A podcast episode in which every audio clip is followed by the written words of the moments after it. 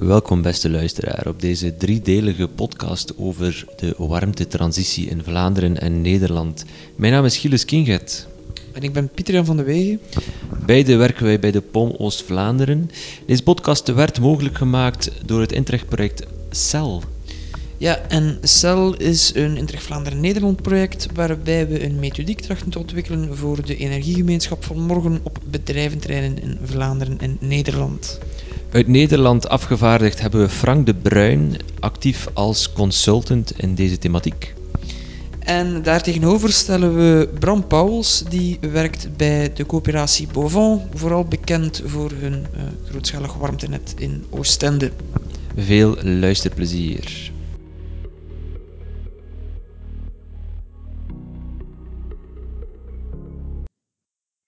Frank, iets wat ik daarnet nog vergeten had, maar waar ik ook wel jou een keer wil over horen. Uh, ik ben zelf een grote fan van uithoofdzones voor het aardgasnet.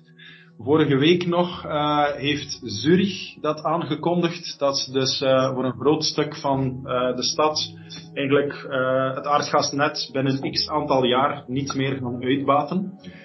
Um, er is daar geen sturing richting warmtenet dan wel warmtepompen. Het is ook een gemengd verhaal. Een deel zal daar warmtepompen zijn en een deel uh, zal men wel werk maken van een warmtenet.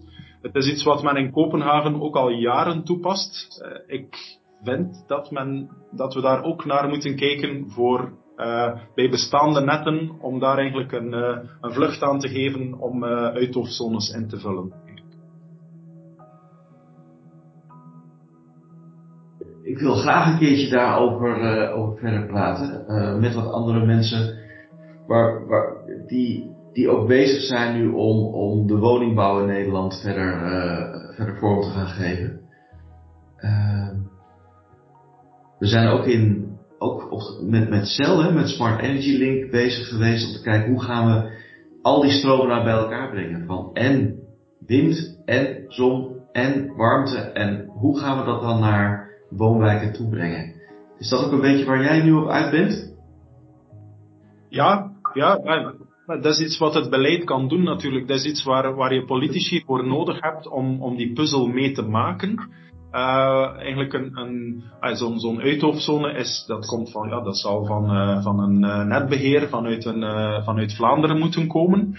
Maar hetzelfde verhaal hebben we eigenlijk ook wel op het heel lokale vlak. Uh, we zitten altijd aan samen, samen met enthousiaste mensen van de administratie die van alles willen doen wegen, maar heel vaak ontbreken beslissingnemers.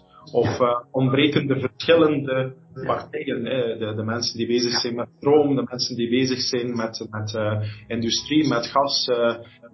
Iedereen moet samen aan tafel en niet enkel een welwillende administratie. Nou, wat we nu zien is dat de Nederlandse overheid wel gaat zeggen, als jij een uh, groot bedrijfspand gaat neerzetten, dan moet je zon op het dak doen, dan krijg je gewoon geen vergunning om, uh, om het pand neer te zetten. Um, als ik kijk, en dat was ook een, wat mij betreft een, een, een mooie gedachtegang. In Waalwijk um, wil uh, een ontwikkelaar nieuwe woningen gaan neerzetten. En die moeten van de overheid energie-neutraal. Dus die zorgen dat er dan zoveel zonnepaneeltjes op liggen en zonthermisch dat die woning energie-neutraal is. Waarom? Waarom leg je dat niet vol? Ja. Nou ja, daardoor wordt die woning duurder. Dat moeten jij en ik betalen, want wij kopen die woning. Terwijl die energie niet voor, niet, niet voor jou of voor mij is, weet je wel. En je krijgt daar dan wel wat geld voor, nu er nog een salderingsregeling is. Maar als die er af is, uh, nou, da, dat soort puzzeltjes leggen, wordt wel heel interessant. Want het zou natuurlijk fantastisch zijn, op het moment dat je het hele dak kan volleggen, dan maak je dus nog meer energie. Dan word je een soort van energiehub als woonwijk. Maar waar moet het dan naartoe? En wie gaat het afrekenen? En wie legt het op dat jij en ik meer voor onze woning moeten gaan betalen? Dat zijn wel hele interessante uh, uh, discussies. Klopt, en het is, het is niet louter stroom. Het is, uh, je, je zit weer dat, dat grensvlak. Er zou kunnen in de week een elektroboiler staan die op het moment dat er een congestie is, uh, warm water gaat produceren om dat te gaan uh, verder transporteren naar iemand die wel die warmte nodig heeft. Uh, het kan ook zonthermisch zijn. Hè. als je kijkt naar Denemarken of zo, die, die hebben gigantisch veel zonnecollectorvelden. ze hebben er de ruimte voor. Oké, als we dat vertalen naar ons, zul je eindigen, ja, eh, als je op zoek bent naar warmte, kunnen we dat ook halen uit uh, zonnecollectoren op daken en hele daken vol. Dus dat, ja. het is een verhaal van en elektriciteit en warmte en het kan samen gaan. Ja, ja. Ah, wel, ik merk al aan, aan, wat jullie zeggen, is dat er, dat er wel bij heel, heel wat bedrijfsleiders heel veel visie is en bij administraties dat er ook heel veel mensen zijn die mee willen denken over de stad van de toekomst.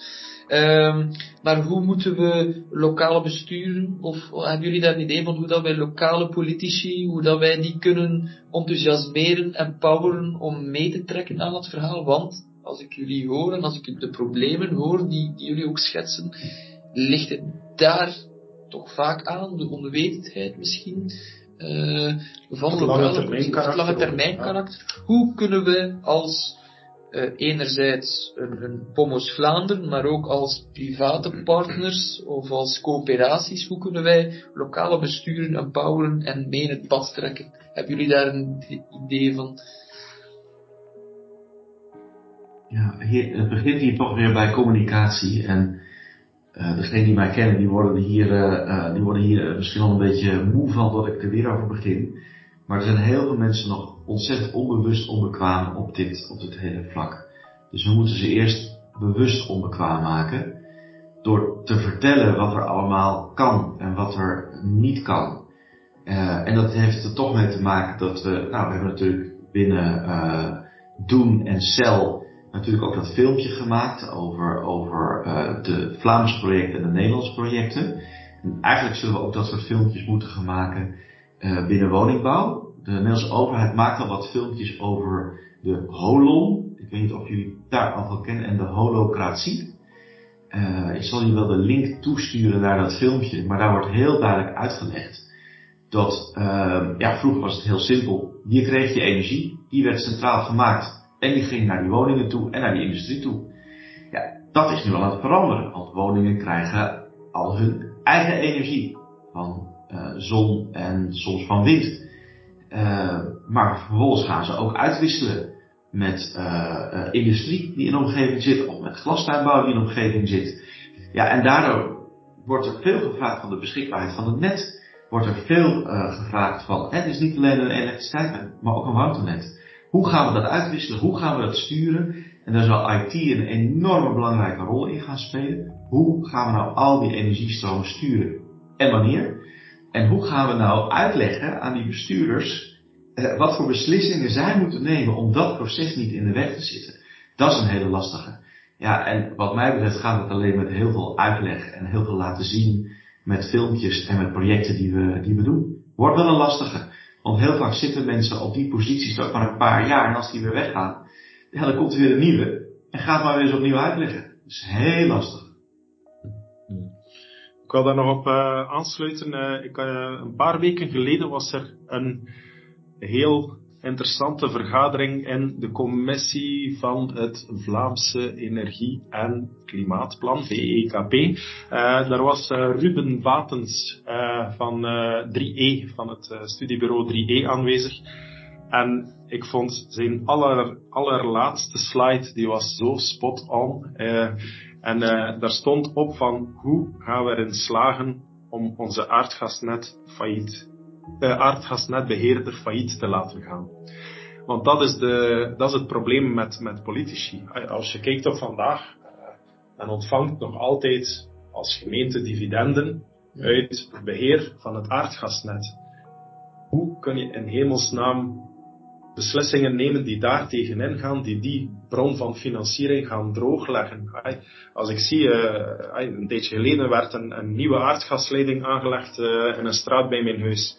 Die aardgasleiding wordt over 60 jaar afgeschreven. Dus ofwel zijn we aan het liegen over 2050 dat we geen CO2 meer gaan uitstoten, is dat allemaal maar om te lachen, ofwel zitten we met een probleem.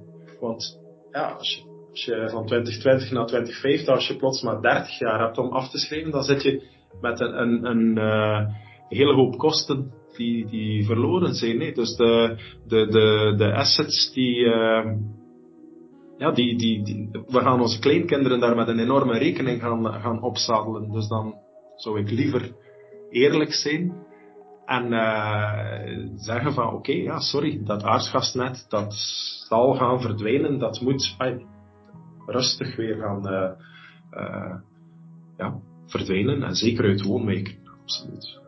Is dat in Nederland ook het geval, uh, dat de gemeenten of andere uh, lagen van de overheid daar dividenden uit kunnen halen of uitpuren en dat een significante impact heeft op de werking van een gemeente, op de budgetten van een gemeente? Ja, in Nederland zijn de energiebedrijven gesplitst in een, uh, in een handels- en leveringsdeel en in een netwerkdeel. Um, dat hele handelsdeel, uh, dus zeg maar waar jij je energie kan kopen, uh, dat is helemaal privaat. maar de netbeheer is, is eigenlijk altijd nog publiek. Dus het antwoord is gewoon ja. Um, maakt het ook lastig. Er wordt inderdaad gekeken van kunnen die gasnetten, kunnen die niet straks dienst doen om waterstof te transporteren? Dus dat, dat zou nog wel een uitwerkmogelijkheid zijn. Als je gaat kijken naar een woonwijk die je van het gas wil afhalen, dan zullen er altijd mensen zijn die weigeren. Uh, en als je zo'n gasnet dan moet blijven beheren vanuit de publieke rol, omdat er eerst 100 woningen waren maar nu maar twee of drie die weigeren van het gas af te gaan, dan heb je weer een ander probleem. Dan kun je ook niet gaan herinvesteren, dan kun je het ook niet op een andere manier gaan oplossen. Dus daar zit ook inderdaad nog, uh, daar zitten nog wat beslissingen die we moeten nemen, die heel lastig gaan worden. Maar waar we niet over mogen liegen, hè? want uh, nu wordt, uh, wordt er gedaan alsof er niets aan de hand is. De reactie die we, die we hebben op de oorlog in Oekraïne is gewoon, we zoeken een andere leverancier voor ons gas. En dan gaan we wat we vroeger schaliegas noemden, dat gaan we nu aardgas uit Amerika noemen. Uh, vroeger waren daar mensen tegen. Of gaan we met een andere dictator gaan onderhandelen om verder te doen met gas? Ik denk niet dat dat het antwoord is dat onze kinderen nodig hebben. Nee, dat is, dat is, de, uh, uh, die, dat is een stukje donkere uitleg. Daar heb je helemaal gelijk in. Dat klopt. En dat zal zeker nog voor een tijd het geval moeten zijn. Als je positief kijkt naar, naar wat er nu gebeurt, is dat mensen nu wel opeens weten van hé, hey, we waren al erg afhankelijk van, van Rusland. Dat wisten we met z'n allen al. Maar ja, we deden er te weinig aan. Uh, nu zijn er toch wel echt bewegingen dat mensen zeggen, nou we, we snappen dat we er vanaf moeten. Uh, dus die energietransitie zal er ook wel een extra schwung door krijgen. Maar klopt, daar zitten, daar zitten, uh, daar zitten zwarte randjes aan. Hm. Merk je dat een hoos binnen de coöperatie Provon door de Oekraïne-crisis, dat mensen ehm, ja, proactiever naar jullie op zoek gaan? Of, of heb je nog niet echt een... Uh, we merken dat, dat iedereen op zoek is naar uh, een stabiele prijs voor zijn energie. Dat merken we, uh, dat is bij bedrijven al heel lang. Uh, derde partijfinanciering van zon is mooi dat je hernieuwbare energie hebt, maar het is ook een deel hedging van je stroomprijs. Dat zien we bij onze warmteklanten. Uh, toen in de coronatijden de gasprijs, spot, toen die spot goedkoop was, toen die heel laag was, toen hoorden we niemand klagen. En nu, nu kregen we vragen van, ah ja, kunnen we een vaste prijs krijgen voor onze, ja. voor onze warmte? Uh, we hebben zelfs het eerste contract afgesloten met een vaste prijs voor warmte uh, recent. Dus het antwoord daarop is, willen we daarop inspelen? Tuurlijk. Uh, maar natuurlijk, onze bron moet dan, dan ook wel mee willen. Hè. dezelfde vraag kregen we bijvoorbeeld, de stad wil graag sociale tarieven voor een, een, eh, een, eh, nieuw huisvestingsproject, sociale huisvesting. Maar dan kunnen we even goed naar de stad gaan en zeggen, de warmte die wij kopen van de verbrandingsoven, daar is de aandeelhouder de stad. Dus als jullie ons zeggen, dat blok warmte voor die sociale huisvestings, voor dat project, dat klikken we vast aan een, aan uh, een sociale prijs, zeg maar, dan kunnen wij aan de andere kant ook die sociale prijs gaan leveren. Dus uh, er zijn heel veel mogelijkheden. Uh, als je zelf je energie in handen hebt, natuurlijk, dan kun je zelf de prijs gaan bepalen.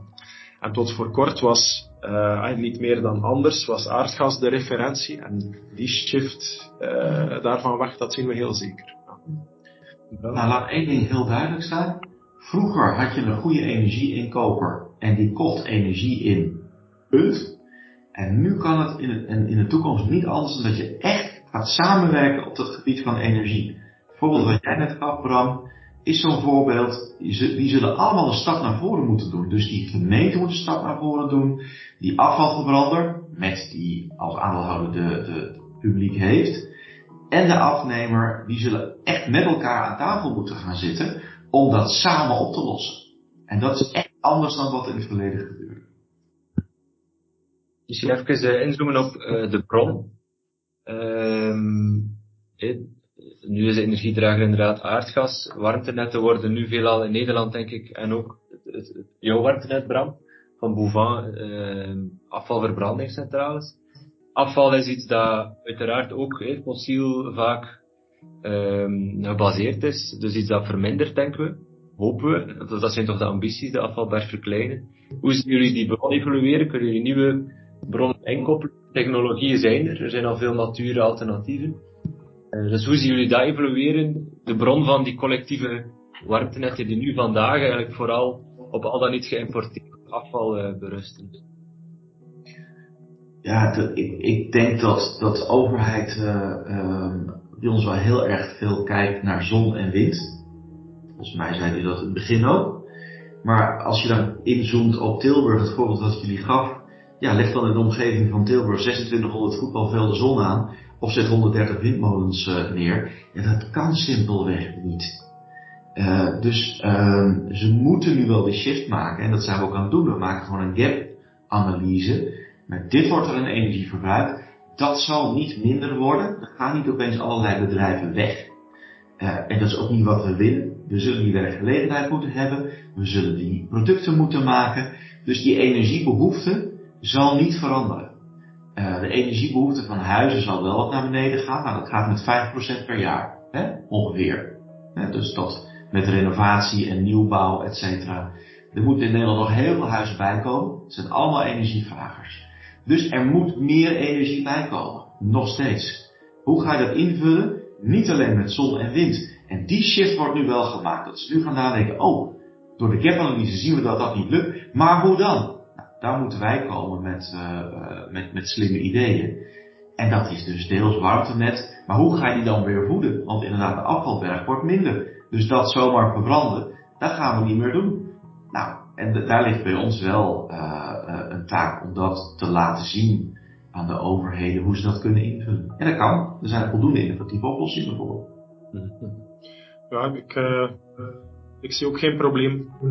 wij hebben in Oostende twee afvalverbrandingscentrales. Eén huishoudelijke en één industriële. De ene is de, bij de oudste centrales, de andere is een van de jongste, de tweede jongste van, van Vlaanderen. Voor het afval is een afvalverbranding is een strategische markt. Daar, uh, daar moet men meer energierecuperatie gaan doen. Dus er moet warmte uitgekoppeld worden. Dus, de, en we hebben dan nog een keer de concurrentie tussen de twee ovens, ja. uh, waar met beide gaan we samenwerken.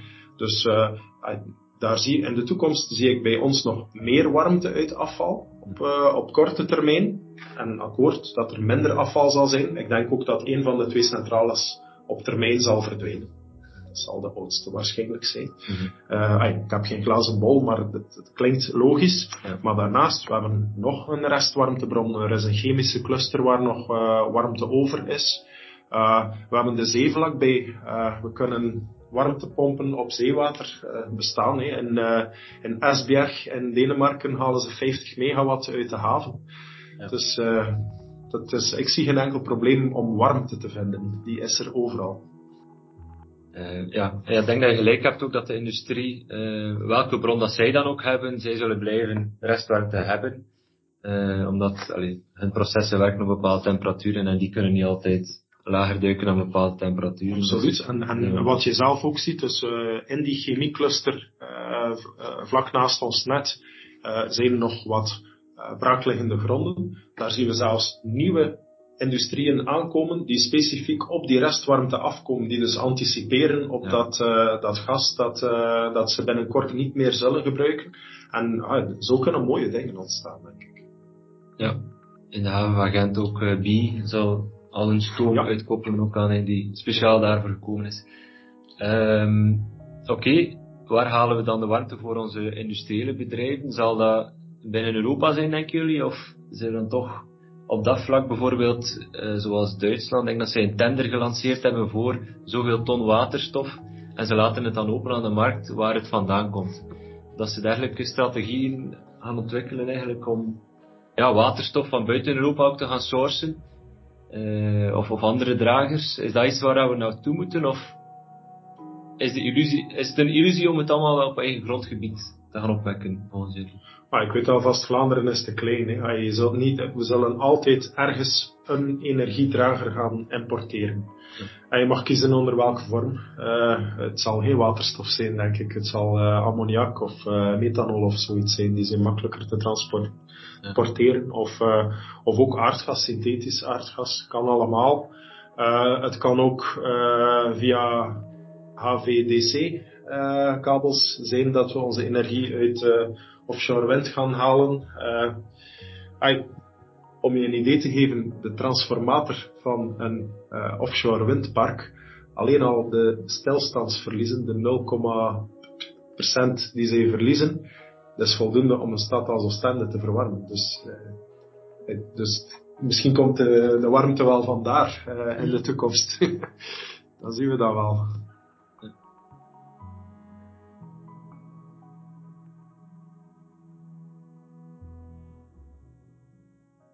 Zo, dat was alweer een podcastcreatie van de POM Oost-Vlaanderen, of kort een POMcast. Bedankt voor het luisteren. En tot de volgende keer.